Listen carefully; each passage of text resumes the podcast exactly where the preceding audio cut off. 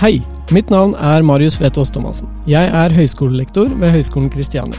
Og gjennom denne podkastserien ønsker jeg å hjelpe deg med å ta informerte karrierevalg. Jeg har selv vært student over flere år og kjenner godt til følelsen av å ikke ha nok informasjon om konkrete stillinger og hvordan en arbeidsdag kan se ut. Mange stillinger fantes ikke for bare 10-20 år siden, og her i Norge bruker vi mange stilige engelske stillingstitler som ikke alltid er så lette å forstå. Manglende kjennskap til arbeidslivet kan bety at man tar dårlige eller kortsiktige valg, at bedrifter ikke tiltrekker seg riktige profiler, og at uh, organisasjoner må bruke mye tid og penger på onboarding og kompetanseheving. Jeg ønsker å hjelpe studenter og andre med å ta informerte karrierevalg. Og det skal jeg gjøre ved å snakke med personer om deres konkrete stillinger og arbeidshverdag. I dag skal jeg snakke med June Olstad. Hun jobber som digital markedsfører i Norsk Tipping. Hei, June. Hei. Jeg hopper jo rett uh, i det, jeg. Uh, digital markedsfører, hva, hva, hva, går det ut på? Ja, du spør vanskelig med en gang. det er uh, Digital markedsfører er et veldig stort område. og man kan jobbe med utrolig mye forskjellig når man er digital markedsfører. Men eh, det jeg driver med, det er eh, mye innenfor sosiale medier. Hovedsakelig sosiale medier. Eh, og da er det hele veien fra det å koordinere alle aktivitetene vi gjør, produsere, analysere det, og så må man jo optimalisere det her, da, hele veien. Ja. Så det er egentlig det veldig kort fortalt. Ja, kort fortalt. ja. Uh, mye med sosiale medier. Hva slags uh, sosiale medier er det som er, uh, er viktige for Norsk Tipping i 2022? ja, det er jo Facebook. Der er, har vi jo en stor følgebase. og når ut til veldig mange. ellers så er det jo Instagram.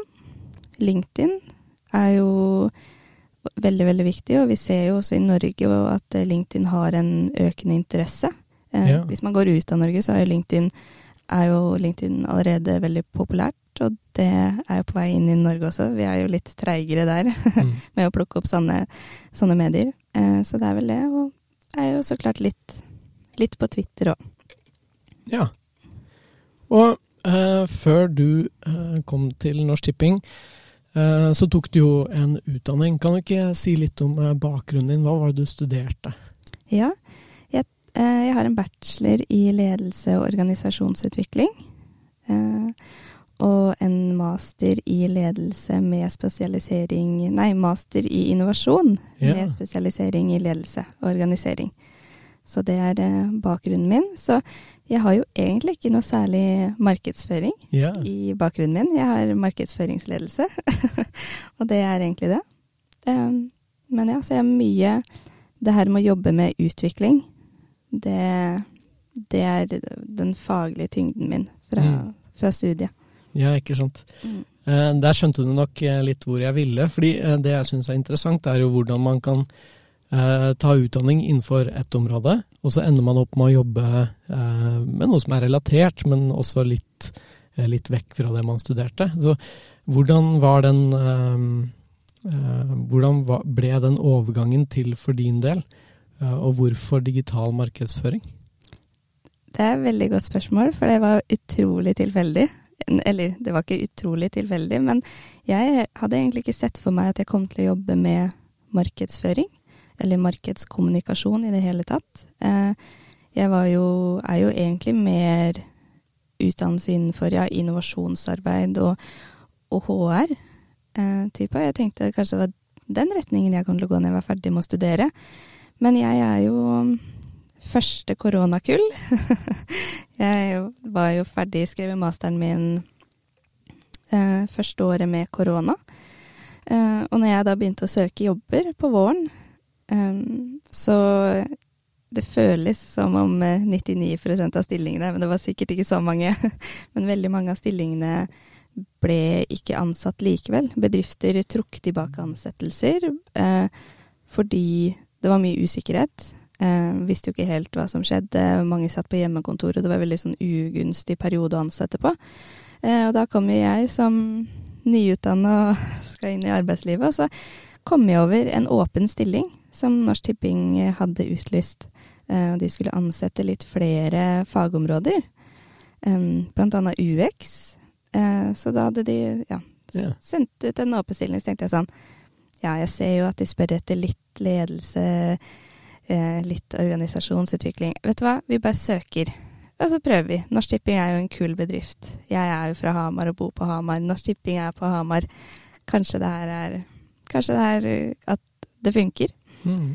Uh, og så ble jeg jo kalt inn på intervju, og det var veldig ålreit. Og etter hvert så fikk jeg tilbud om stilling. Uh, og da snakka min nåværende sjef, da, så fortalte han litt om hva stillingen var, men han sa aldri stillingstittelen.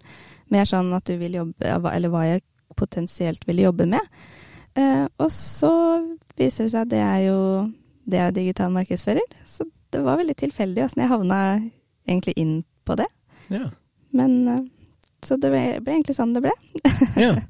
Så eh, vi kan jo si noen ord om Norsk Tipping for så vidt. Hva, hva er det de holder på med? alle har jo sikkert hørt om Norsk Tipping, men det er ikke sikkert alle er kunder hos dere. Så bare kort, hva, ja. Hva er Norsk Tipping?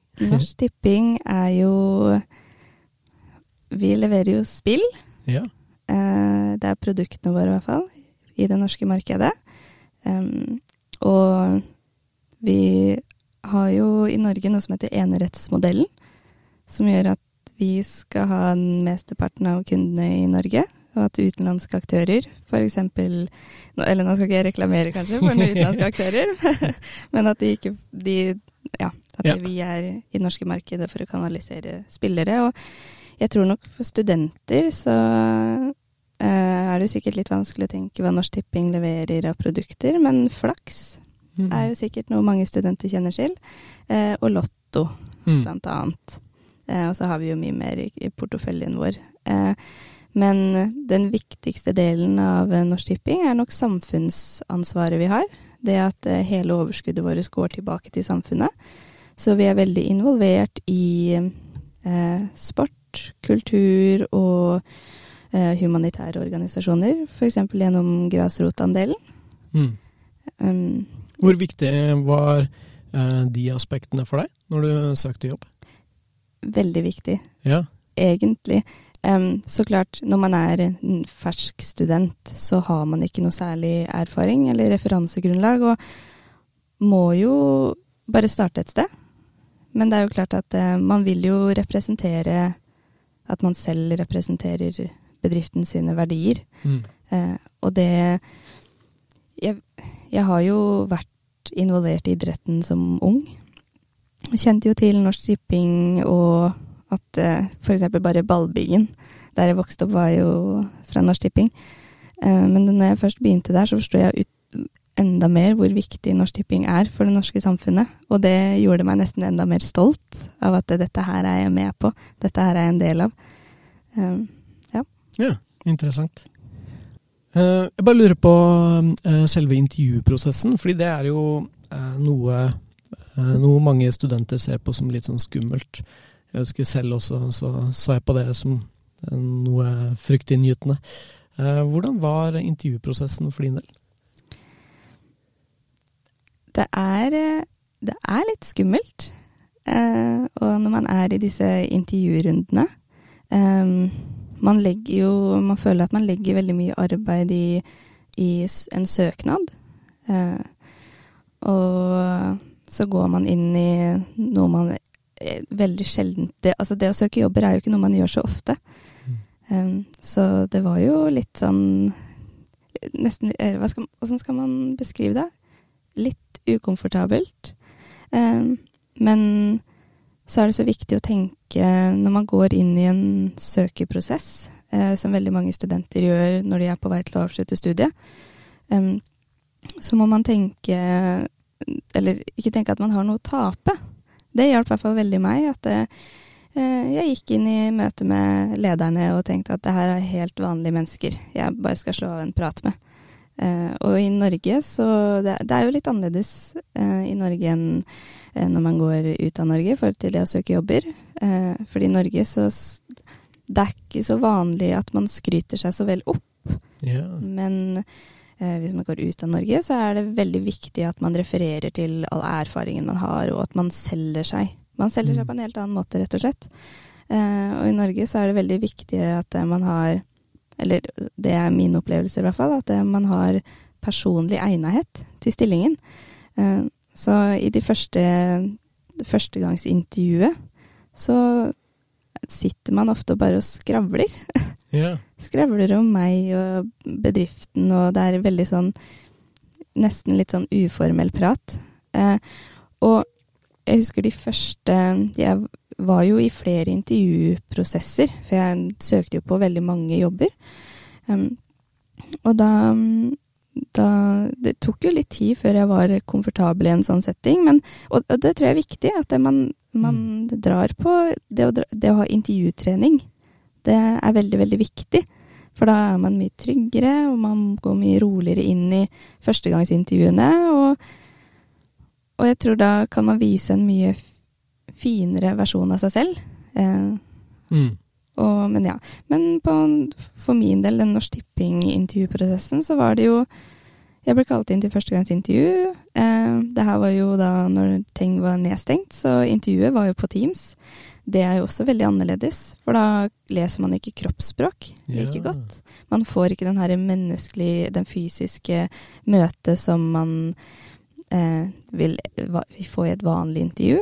Så man sitter der på Teams, jeg satt i stua mi, de, de satt på kontoret. Det var litt sånn Det, det er jo litt rart å skal Ja. ha intervju. Pynta du deg? Eh, jeg eh, kjørte en helt plain svart overdel. Yeah. Eh, det gjorde jeg. Og så tok ned håret, da. Mm. Når man er student, så går jo ofte håret i en, i en bønn. Yeah. Så tenkte jeg nå kanskje jeg skal børste håret. og så var det Etter hvert så ble jeg kontakta og tatt inn til andregangsintervju. Da var det case. Og um, som student er man vant til å løse caser. Eh, men man føler jo at det er litt annet å skal løse case for en bedrift som man potensielt kan jobbe for. Og da Jeg husker når jeg fikk casen fra Norsk Tipping, så fikk jeg en dag på å forberede en presentasjon eh, som jeg skulle holde for de. Eh, og det var blant annet å gå inn i Norsk Tipping sin app eh, og optimalisere en del av appen. Og når jeg gikk inn i appen, så jeg hadde ikke vært i den før. Jeg hadde ikke vært Jeg vet ikke om jeg Jeg har jo kjøpt sikkert spill Jeg hadde jo kjøpt spill hos Norsk Tipping forut, men ikke noe sånn Jeg var ikke en fast kunde. Eh, så jeg har aldri vært inn i appen, så jeg måtte inn, da. Laste ned den og gå inn for første gang. Eh, og idet jeg da når jeg var ferdig med casen, og idet jeg skulle inn i andregangsintervjuet, så tok jeg meg selv i å være, ha kanskje litt mer konstruktive tilbakemeldinger enn skryt. Um, så jeg husker jeg introduserte casen min med å forberede de på at nå kommer det litt konstruktivt her. uh, men jeg tror det var veldig positivt for de. Jeg tror de opplevde det som veldig positivt at jeg turte å turte å komme med at vet du hva, det her funker ikke. Det her er ikke brukervennlig, men her er løsningen. Eller en potensiell løsning. Sånn her kan man kanskje gjøre det. Um, Ja, kult. Så det å så tørre å, å uh, ha egne meninger Mm. om, om deres løsninger og produkter og tjenester, er, eh, ja, er Det er jo sikkert en bra dialogstarter uansett i et intervju, vil jeg tro.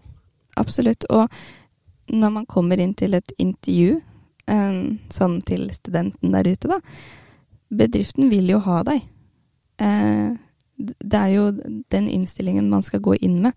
Så når man f.eks. skal løse en case, da, så skal man ikke løse en case fordi man skal selge bedriften eller man skal skryte opp bedriften.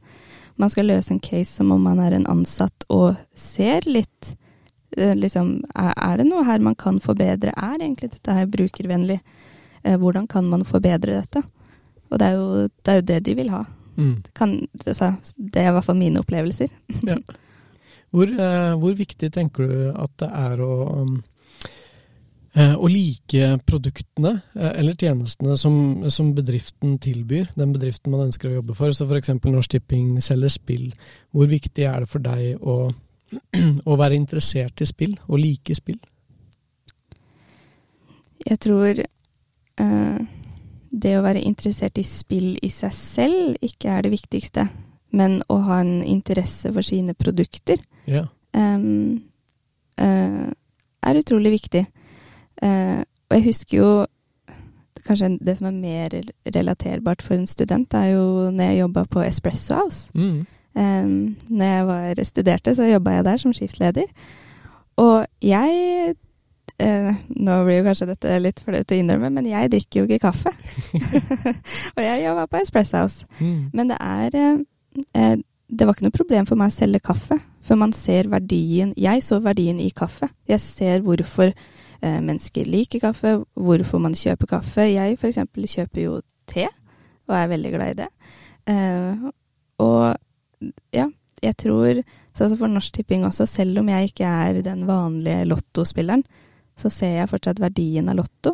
Eh, og når man er i en bedrift, så tror jeg man må konvertere liksom tankene litt til å sette seg inn i kundeperspektivet. Hvorfor er det her viktig for kunden?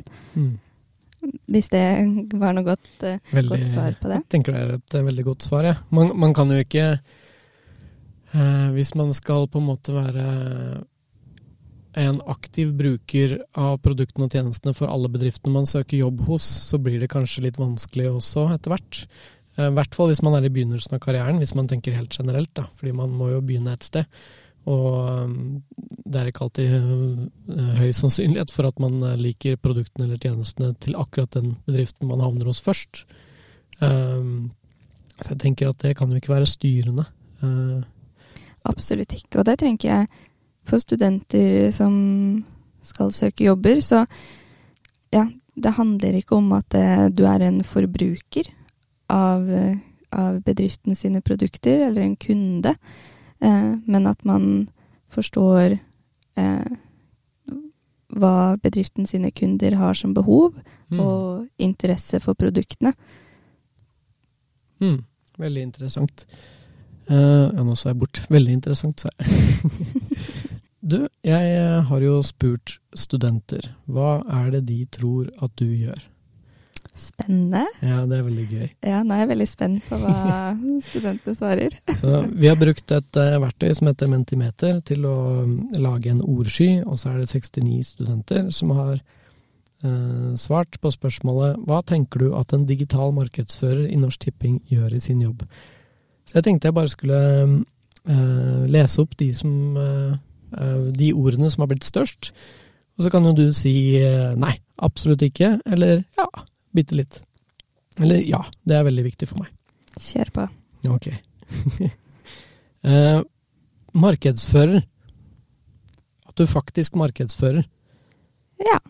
Jeg tipper, eh, fordi her eh, er det noe relatert også, f.eks. lager annonser. Utvikler annonser. Ja, det stemmer det. Ja. Det er jo gjennom sosiale medier som jeg sitter på, så er det jo en kjempemulighet til å snakke om produktene eller markedsføre eh, Hos hos Norsk Tipping så kan vi jo markedsføre to deler av, eh, av bedriften. Produktsiden og spons eller samfunnsansvarssiden. Hva vi gjør, hva vi gir tilbake til samfunnet. Eh, eller eksempel Otto. Det er yeah. sikkert noen som kjenner til Otto. Eh, og han er jo i våre sosiale medier. Eh, og da er det Det er jo markedsføring, det.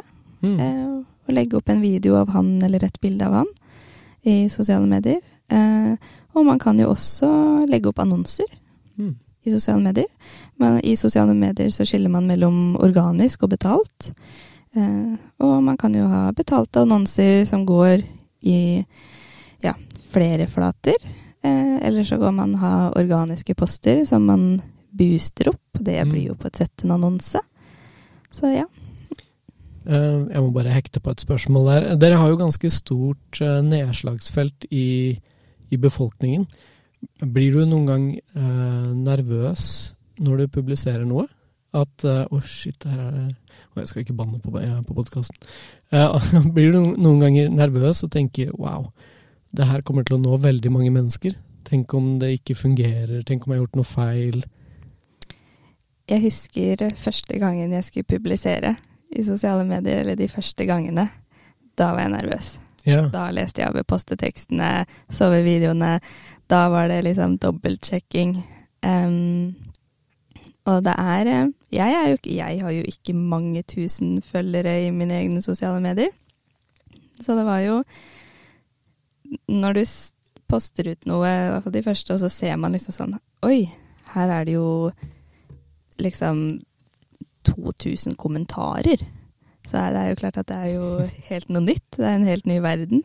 Eh, og det gjør jo, når man, sånn som på Facebooken vår, da, hvor vi har eh, ja, er det litt overkant av 400 000 følgere, så gjør det at man blir veldig, veldig bevisst på eh, postetekst. At ikke ting skal misforstås. Eh, og det er jo vanskelig, fordi en, det som kan gi mening for meg, kanskje ikke gi mening for noen andre. Um, og ja, det er som du sier, vi har veldig stort nedslagsfelt og når ut til utrolig mange. Så ja, i starten var jeg nok litt nervøs. Og hvis vi gjør noe som er litt annerledes, eh, tester ut noen nye konsepter, så er det jo litt sånn Åssen treffer dette her? Åssen reagerer følgerne våre på dette? Eh, litt nervøsitet til det, men, men eh, nå er det bare Nå er det bare moro. Ja. Eh, når jeg ser at det, det, ting går bra, eller hvis, hvis ting heller ikke Noen konsepter ikke går så veldig bra, så er det også moro. Fordi man bruker den innsikten til å gjøre det bedre neste gang. Mm. Um, Ja, ikke sant. Så det er en eh, kontinuerlig læringsprosess. Absolutt. Absolutt. Uansett. Ja. Absolutt.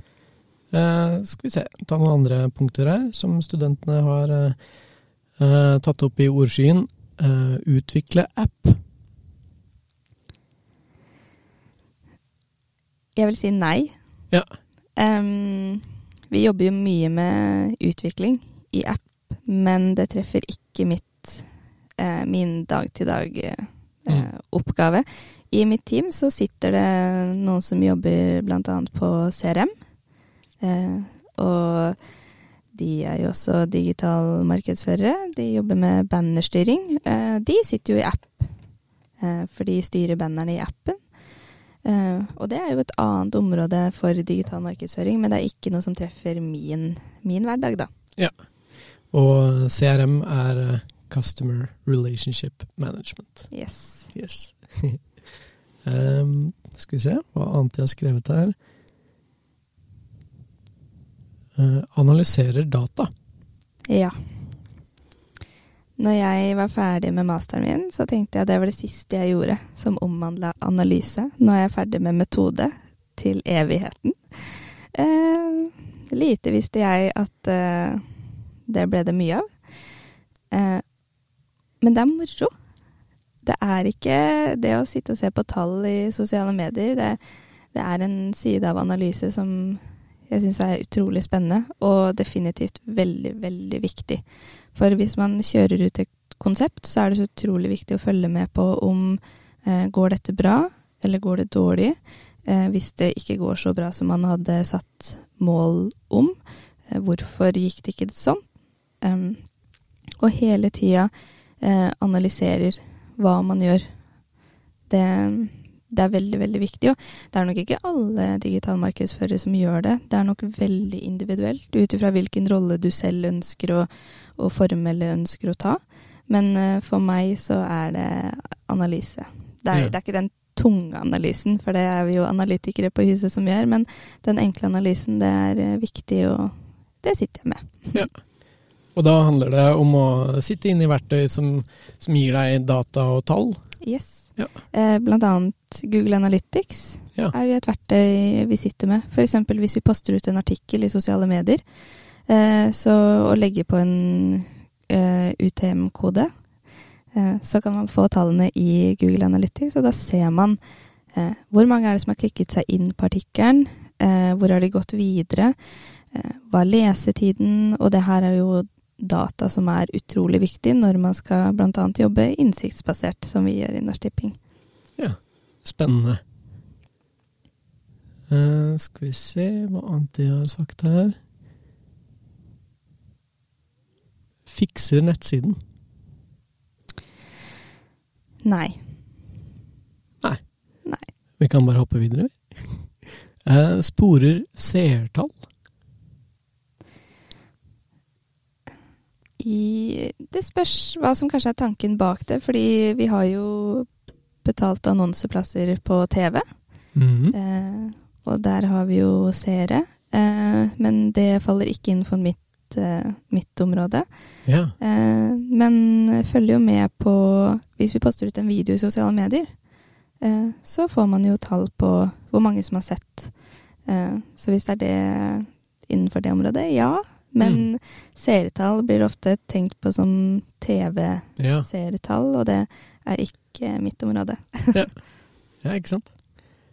Uh, ja, da tror jeg vi egentlig har berørt eh, det meste her. Uh, jo, der var det en uh, utvikler strategi. Ja. Det er I Norsk Tipping så jobber vi eh, mer eh, Hva skal vi si På en mm, agile måte. Ja, smidig. Agile, yes, Ja. helt riktig. Smidig. eh, hvor man har et litt annet forhold til strategi. Ja. Eh, det var veldig uvant for meg.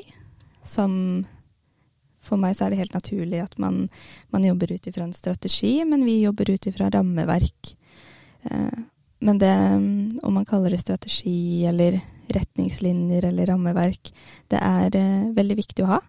Når man jobber spesielt i sosiale medier, så må man ha en strategi på hvorfor gjør vi det her. Mm. Eh, hva er målet med det her? Eh, hva, hva slags rammer har vi? Eh, du har jo strategi da ut ifra hva er det bedriften eh, på et overordna nivå ønsker å oppnå, og så må man jo bryte det ned. Ja. Ja. Ja. Spennende. Uh, hva Så du, du møter jo opp uh, på morgenen, og så tilbringer du noen timer på, på bygget til Norsk Tipping. Hva, hva skjer inne på det bygget for din del? Er det møter, eller Hvordan ser rett og slett en arbeidsdag ut for din del? Uh, det er veldig mye møter. Ja. Som er. Eller det er Nå begynner jeg å venne meg til det, men det var veldig uvant i starten å ha så Altså en hverdag hvor man har eh, ja, altså mange møter om dagen. Men hver dag er forskjellig. Fordi hvert møte er forskjellig. Det er en, det er en eh, annen type kampanje man planlegger, eller det er et annet, en annen del av eh, organisasjonen eller produktporteføljen. Em, så men det er veldig, veldig mye møter. Det er det. ja. Uh, men jeg, jeg tror når mange tenker møter, så tenker man at man sitter i et Det er et veldig seriøst møte, og man har en agenda, og man skal gå gjennom ting, og det er uh, Ja, den herre tradisjonelle det tradisjonelle møtet. Eh, men for oss er det veldig mye Det er litt som et arbeidsmøte. Det er litt som at man går og møter når man er student, at man går på, på biblioteket og jobber med en oppgave. Eh, det er litt samme når man går inn i et møte. ja. Interessant eh, parallell. Hvor mange, hvor mange deltakere er det typisk i et, eh, i et sånt møte, da? Det kommer helt an på hva som er hva, hva møtet er. Ja, Hva som er tema, og hva Ja. man ønsker å oppnå, kanskje? Vi Ja. har jo noen faste møtepunkt i uka med teamet. Eh, så for eksempel så har jeg jo en kollega som jeg jobber tett med på sosiale medier. Eh, vi har jo, der er vi jo bare to, eh, og har, vi har sånn tre faste møtepunkt i uka. Hvor, vi går, hvor vi går gjennom, hvor vi går gjennom eh, sosiale medier-planene. Eh, eller så kan vi ha lagmøte, teammøte, og da er vi jo ni stykker. Eh, eller så kan vi planlegge en kampanje, eh, og da kan vi jo være, ja, fort eh, alt ifra tre stykker til ti stykker. Det kommer litt an på Ja, det kommer helt an på møtet og hva slags type prosess man er Ja. i. Ja. Mm. Interessant. Jeg husker veldig denne praten om møter når jeg, når jeg selv var student. Jeg skjønte liksom ikke hva et møte var. Så jeg tipper det er veldig nyttig å høre det du, det du Mm. sier nå. Og- Um, Ja, og det som var litt uh, En ting som jeg måtte altså, venne meg nesten litt til, var at jeg var så innstilt på at hvis man går i et møte, så skal man være så utrolig forberedt. Og man skal ha en presentasjon klar, og man skal ha svar klar. Men man trenger ikke alltid å forberede seg til møtet, fordi man skal jobbe ut eh, mye av planene, eller det er mye Man jobber veldig mye i et møte. Mm. Eh, så man trenger ikke alltid å forberede seg, men kanskje man forbereder seg til neste møte, da, hvor man har ideer eller tanker som man tar med inn. Men ikke den herre Det jeg tenkte i hvert fall, at man ja, hadde presentasjon klar og Og, og resten av tiden, da? Sitter du ved pulten og, og lager kampanjer, eller? Ja, det er eh, Mye av tid går på koordinering. Jeg føler det er litt sånn eh, Nøkkelen i det å være digital markedsfører er å være god på koordinering. Eh, så mye av tida brukes på å Når kan de ulike postene passe inn i kalenderen? Liksom, når skal vi gjøre et uttak på eh, eh, Ja, si Vi har jo samarbeid med fotballen. Hvis vi skal gjøre noe sammen med de, ok, det skal en poste ut på Facebook den dagen. Eh, og så skal den poste ut på Instagram den dagen, og så må det koordineres med produktene våre. Eksempel, nei, vi har en kampanje med Otto, eh, sånn at ikke ting overlapper hverandre. Så det er mye koordinering eh, som er utenom det. Og i tillegg til det, så er det jo analyse. Som vi har vært litt inne på også. Det, det tar jo litt tid å bare få samla alle tallene eh, hvis man har posta ut noe, og se på åssen gikk egentlig denne posten. Og det er noe man må gjøre litt kontinuerlig hele tiden. Ja. Mm. ja, det begynner å gi mening, denne, eh, denne verdikjeden som du berørte litt sånn innledningsvis. At eh, man planlegger i henhold til en strategi, og så koordinerer man, og så publiserer man, og så evaluerer man. Og så går det i en slags sånn eh, Ja, en sirkel med mye læring, da. Og mye utvikling. Helt, helt riktig. Eh, jeg føler jeg jobber i den sirkelen, Ja. eh, men jeg har kanskje I praksis er det jo 15 sånne sirkler som går Ja. hele tiden. Eh, fordi det er eh, ulike områder man jobber med konstant. Da. Det er sjelden at man jobber med ett konsept eh, hele tiden. Eh, man har ofte flere baller i lufta, og da, ja, den sirkelen går hele tiden. Og det, ja, det er som du sa, at vi er- starter med å liksom eksempel ser vi et behov. Eh, hvis vi ser på noen målinger at eh, noe har gått litt ned, eller vi ønsker å informere om noe, eller ønsker eh, å spre et budskap eh, basert på innsikt som vi har, så er det starte det med koordineringa. Og så eh, må man jo produsere innholdet, som jeg også driver litt med, da. eh, og så er det analysen, og så må man optimalisere alt det her. Og så starter det egentlig bare på nytt igjen. Med, man bruker den innsikten som man sitter igjen med da, inn i nye konsepter eller eh, optimalisering av det konseptet man har drevet med. Og så går, går det. Mm. Det jeg syns høres eh, spesielt spennende ut ved det, er jo at eh, at det gjør at du mest sannsynlig alltid er i utvikling også. Eh, fordi hver gang du gjør noe, så skal du også reflektere over hvorfor, og hvordan det gikk. Og, og det vil jo gjøre at du nesten ja, på en måte får en slags etterutdanning i, i jobben, i, da, i det daglige. Det må jo være en, en utrolig fin sånn bieffekt. Absolutt. Eh, jeg er eh, mener jo at eh, hvis man ikke klarer å se eh, måter man kan forbedre seg på, eh, eller forbedre et konsept på, så har man ikke lett godt nok. For det er alltid måter Det trenger ikke å være noe negativt heller, men oi, her vi, ser vi et lite hull eller et lite gap hvor man kan Eller en mulighet til å gjøre det litt bedre. Og så Ja, og det gjør at man hele tida utvikler seg. Eh, og spesielt innenfor sosiale medier. Mm. Der er det jo nye trender hele tiden. Uh, og det er veldig, veldig viktig å følge med på disse trendene. Um, og om det er bare uh, noe som er litt sånn hypa opp i sosiale medier, eller om det er digital eller teknologisk utvikling, så er det veldig, veldig viktig å, å følge med på det. Å være Ja. med på det og være en del av det. Hvordan, uh, hvordan holder du deg oppdatert? Sosiale medier er jo en del av eh, hverdagen min utenfor jobb også. Yeah. Så det er eh, mye Jeg sitter jo naturlig Bruker jo altså, fe- altså, Kanskje ikke så mye Facebook lenger, men eh, Instagram, TikTok, alle disse eh, appene sitter jeg jo naturlig på eh, Mm. når jeg ikke er på kontoret. Så jeg får litt sånn naturlig, naturlig innsikt eh, derifra. Eh, men det er jo klart at det er viktig jeg tror det er utrolig viktig å eh, Hva skal jeg si Når man sitter med et sosialt medie, og at man går inn også og, og tester. Så fort Mm. det kommer en funksjon, så tester man det. Eh, og det Ja. Mm. Så den eh, nysgjerrigheten da, eh, som driver en til å teste, er kanskje viktig, da. Absolutt. Og interesse, ikke minst. Mm.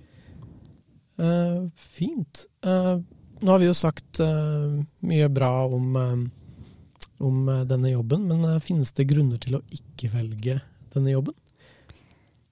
Ja, det er jo Det er det helt sikkert. Jeg kan tenke meg, litt som jeg nevnte før, at det er mye koordinering. Ja. Og man har veldig, veldig mange baller i lufta. Så man må beherske en ryddighet i Altså at man klarer noe som fort kan bli litt rotete, og klarer å holde det ryddig. Eh, litt sånn mental ryddighet ja. eh, når man holder på med så mye samtidig.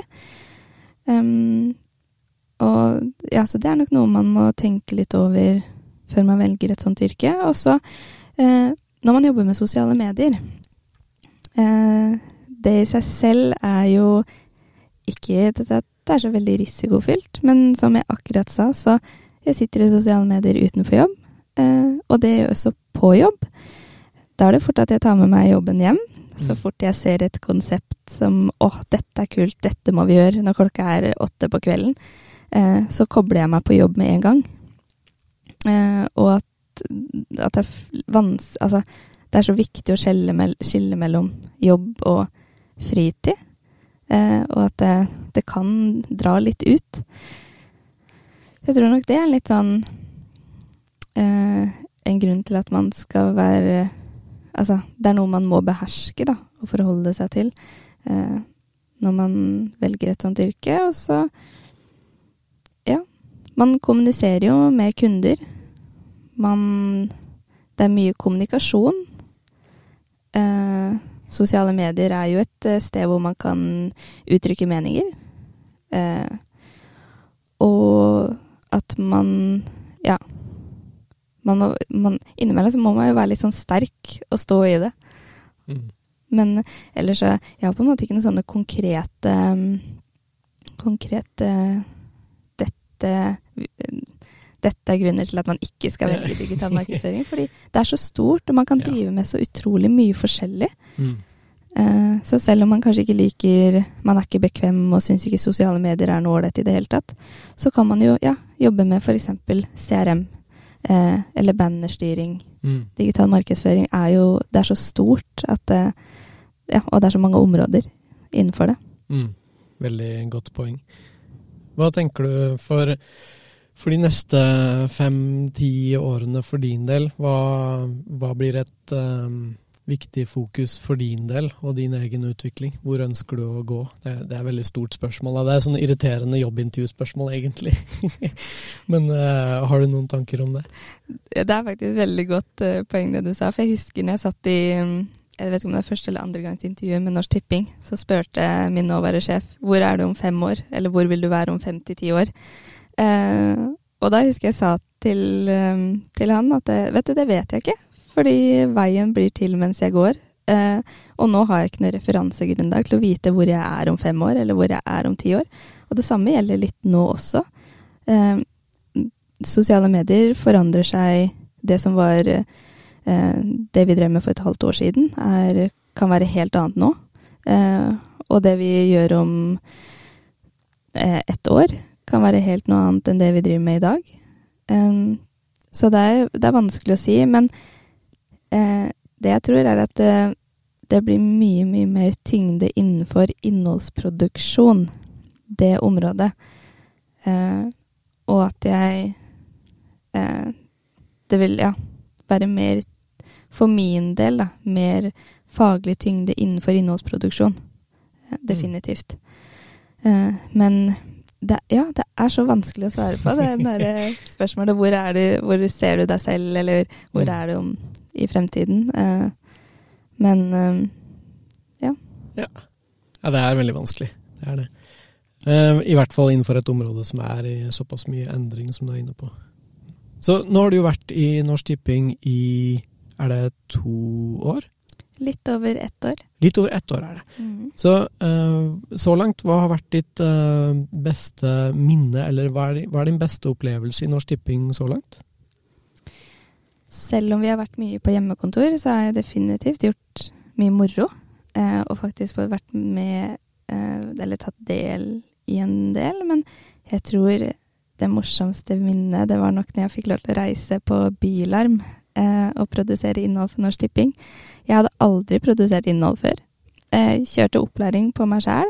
Eh, satte mål og forventninger eh, på meg sjæl, og reiste av gårde hit til Oslo for å produsere. Og for de som ikke kjenner Bylarm, så er Bylarm en litt sånn eh, Hva skal man si, ja? En, kanskje en litt sånn gatefestival, hvor det er litt up and coming artister, og også etablerte artister. Eh, et veldig, veldig fint arrangement som vi er inne og er partner eller sponsor. Eh, og da husker jeg kom dit Jeg hadde egentlig ikke Jeg hadde jo litt høye både forventninger til meg selv og litt hva jeg skulle levere på, men jeg visste jo ikke helt hva jeg kunne forvente var arrangementet, for jeg hadde jo aldri vært utenfor Norsk Tipping-kontoret før og representert bedriften. Um, kom dit og gjorde intervjuer med artister. Her kommer lille June og skal snakke med noen som er litt kjent. Plutselig så tusler liksom Karpe forbi meg, og jeg står der og ja, er på jobb, da. Um, og det er et kjempe, kjempefint minne. Fordi så klart det var jo Jeg var jo utrolig nervøs når jeg reiste da inn for å være på Bylarm, men, men det var så utrolig fint. eh, Og det var så moro, og det er så inspirerende. Og jeg fikk jobbe med veldig, veldig mange eh, kreative og inspirerende mennesker. Så selv om jeg var husker jeg skulle intervjue Isa og var jo så nervøs, jeg klarte nesten ikke å holde kamera eh, rolig. Men det ble fortsatt veldig, veldig, veldig bra. Eh, og ja, det er nok definitivt et skikkelig, skikkelig godt, eh, godt minne. Morsomt at du sier det, fordi eh, nå har jeg ikke sagt det så langt på, på den podkasten her, men eh, jeg jobbet jo i Norsk Shipping før, eh, mellom 2012 og 2017. Og i 2013 så var jeg også på eh, litt sånn eh, Det var egentlig ikke et oppdrag i så måte, men tilfeldigvis så havnet jeg eh, på U21-EM i eh, Tel Aviv i forbindelse med, med jobben, da. Og på en måte behind the scenes der. Og plutselig så sto jeg og intervjuet Markus Pedersen, fotballspiller tidligere i HamKam. Og jeg var så nervøs at jeg, jeg visste ikke hvor jeg skulle gjøre av meg. Jo, men man blir, man blir liksom Det er jo egentlig et helt vanlig menneske Ja, ja. eh, som bare er på jobb. Akkurat Mm. som det vi var. men man, ja, man blir så nervøs, og det er så stort. Og ja. Også, Men så- gøy, da. det er så utrolig moro. Eh, og det er jo sånne ting man lever litt på. Mm, Man, man, eh, det er jo Ja, det er utrolig moro. definitivt. Eh, avslutningsvis, hvilke, hvilke råd har du til de som studerer i dag, og, og kanskje vurderer å bli digital markedsføring? Uh, og vurderer å bli digital markedsfører? Først og fremst så vil jeg jo si til studenter at um, ikke ha dårlig samvittighet for å være student, og bruke tid på å være student. Ja. Jeg husker når jeg var student, så eh, hadde jeg mye dårlig samvittighet for at jeg, jeg følte at jeg rota bort tida mi. Eh, eller at På jeg ikke var studere? Ja, eller at jeg Når man sitter på biblioteket, da. eh, Innimellom så kunne jeg sitte på biblioteket med noen studenter i seks timer uten egentlig å ha skrevet mer enn to linjer på oppgaven jeg skal løse. Og hadde mye dårlig samvittighet for prokrastinering Mm. som er et veldig kjent begrep blant studenter. Eh, men eh, ikke ha dårlig samvittighet for å prokrastinere som student. Eh, og ikke bekymre deg for hvordan fremtiden blir. Eh, ikke stress med å få deg jobb, med en gang. Det er supert å få seg jobb, men eh, man er ung. Eller altså, som student så er man ung, og, og det er Ofte føler man at man har mye å miste hvis mm. man ikke har fremtiden lina opp. Eh, og, som høres kanskje litt rart ut at jeg sier, som sitter her og er 25 år og jobber i Norsk Tipping, men, men jeg stressa veldig mye med at jeg må liksom komme meg gjennom studietida, og jeg må bruke så mye tid fornuftig og Men eh, eh, det er ingenting å stresse med. Eh, og ta det Nyt tiden som student. Eh, og når eh, tiden er inne for å søke jobber, eh, vær litt strategisk med jobbsøkingen. Eh, og ikke tenk at man har noe å miste når man går inn i et jobbintervju. Eh, tenk at det bare er en vanlig samtale. Mm. Ja. Veldig kloke ord. Jeg kunne ikke vært mer mer enig. Jeg, føler det selv også, at jeg stresset veldig mye gjennom 20-åra. Å, det var så viktig å få jobb. Å, det var så viktig å få orden på livet, få eh, lønnsslipper. Begynne å betale ned på studielån. Men det haster ikke. Nå er det kanskje litt lett å si i et land som Norge, eh, spesielt det med det økonomiske delen av det, eh, fordi her er man litt sånn trygg uansett. Men Eh, jeg syns det er viktig å minne studentene på det. Ehm, jeg ser jo det er mange her på Høgskolen Kristiania som eh, har deltidsjobb. Og det, ehm, hvis det begynner å påvirke studietiden din negativt, eh, så ehm, er jo det så synd, sånn som du er inne på. De lange dagene med studentene, med medstudentene dine, hvor du kan snakke deg gjennom temaet eller gjøre prosjekter sammen bare ta seg god tid med det og, og la det modne på en. da. Det er jo det privilegiet man har som student. Absolutt. Og jeg tror veldig mange ikke tenker over at det å være student er som å ha en 100 jobb. Eh, mm. og hvis man har deltidsjobb, så er de Hvis du jobber 30% deltid, eh, så er, jobber du 130 ja. Fordi student, det er fulltid. Mm. Eh, og det er jeg setter veldig pris på studenttida jeg hadde. Og det å være student er kjempefint. men du har en konstant uro hengende over seg. Fordi man, har, blir, man blir hele tida målt. Uh, og man har frister, og man har nye, uh, nye, emner man skal sette seg inn i, eller pensumlitteratur man må lese. og at man har liksom så dårlig tid for man skal gjøre så mye mm. på et semester, så man må få så mye ut av semesteret. Men når man er student, så like viktig er det å være studenten. Mm. Eh, om man, man bruker eh, seks timer på å snakke om noe helt utenfor studiet, eh, så tror jeg det er like viktig, for det handler om litt sånn det psykososiale studentmiljøet. Mm. Som vi har på jobb, så er det jo psykososiale arbeidsmiljø, og det er kjempeviktig. og ja, man har så Man har egentlig veldig, veldig god tid. Man Det er ingenting man må rekke. Eh, og som oftest så løser det seg eh, med jobb. Jeg var jo veldig urolig eh, den når jeg drev og søkte jobb, fordi det var så mange som ikke ville ansette. Og jeg tenkte herregud, hva gjør jeg hvis jeg ikke får meg jobb? Hva gjør jeg hvis jeg ikke får relevant jobb? For jobb får man. Hvis man virkelig vil ha jobb, så er det mulig å få det. Men hva gjør jeg hvis jeg ikke får den relevante jobben som reflekterer utdannelsen min? Men mm. det får man. Det er bare spørsmål om tid, og så må som oftest så kommer man seg dit. ja. Veldig fint. Eh, tusen takk for at du kom hit og ville spille inn en liten podkastepisode med, med, oss. Tusen takk for at jeg fikk komme og ble invitert. Ja, eh, og da tenker jeg at jeg bare sier lykke til eh, videre i jobben din som digital markedsfører for eh, Norsk Tipping. Tusen takk. I dag har du fått hilse på June Olstad. Hun jobber som digital markedsfører i Norsk Tipping. Denne episoden ble laget i samarbeid med Senter for pedagogisk utvikling og læringsteknologi, samt Karrieresenteret her på Høgskolen Kristiania. Følg med videre for flere samtaler, og har du et ønske om å høre om én spesiell stilling eller en konkret yrkesretning, send meg gjerne en e-post på mariusvth at gmail.com. mariusvth at gmail.com.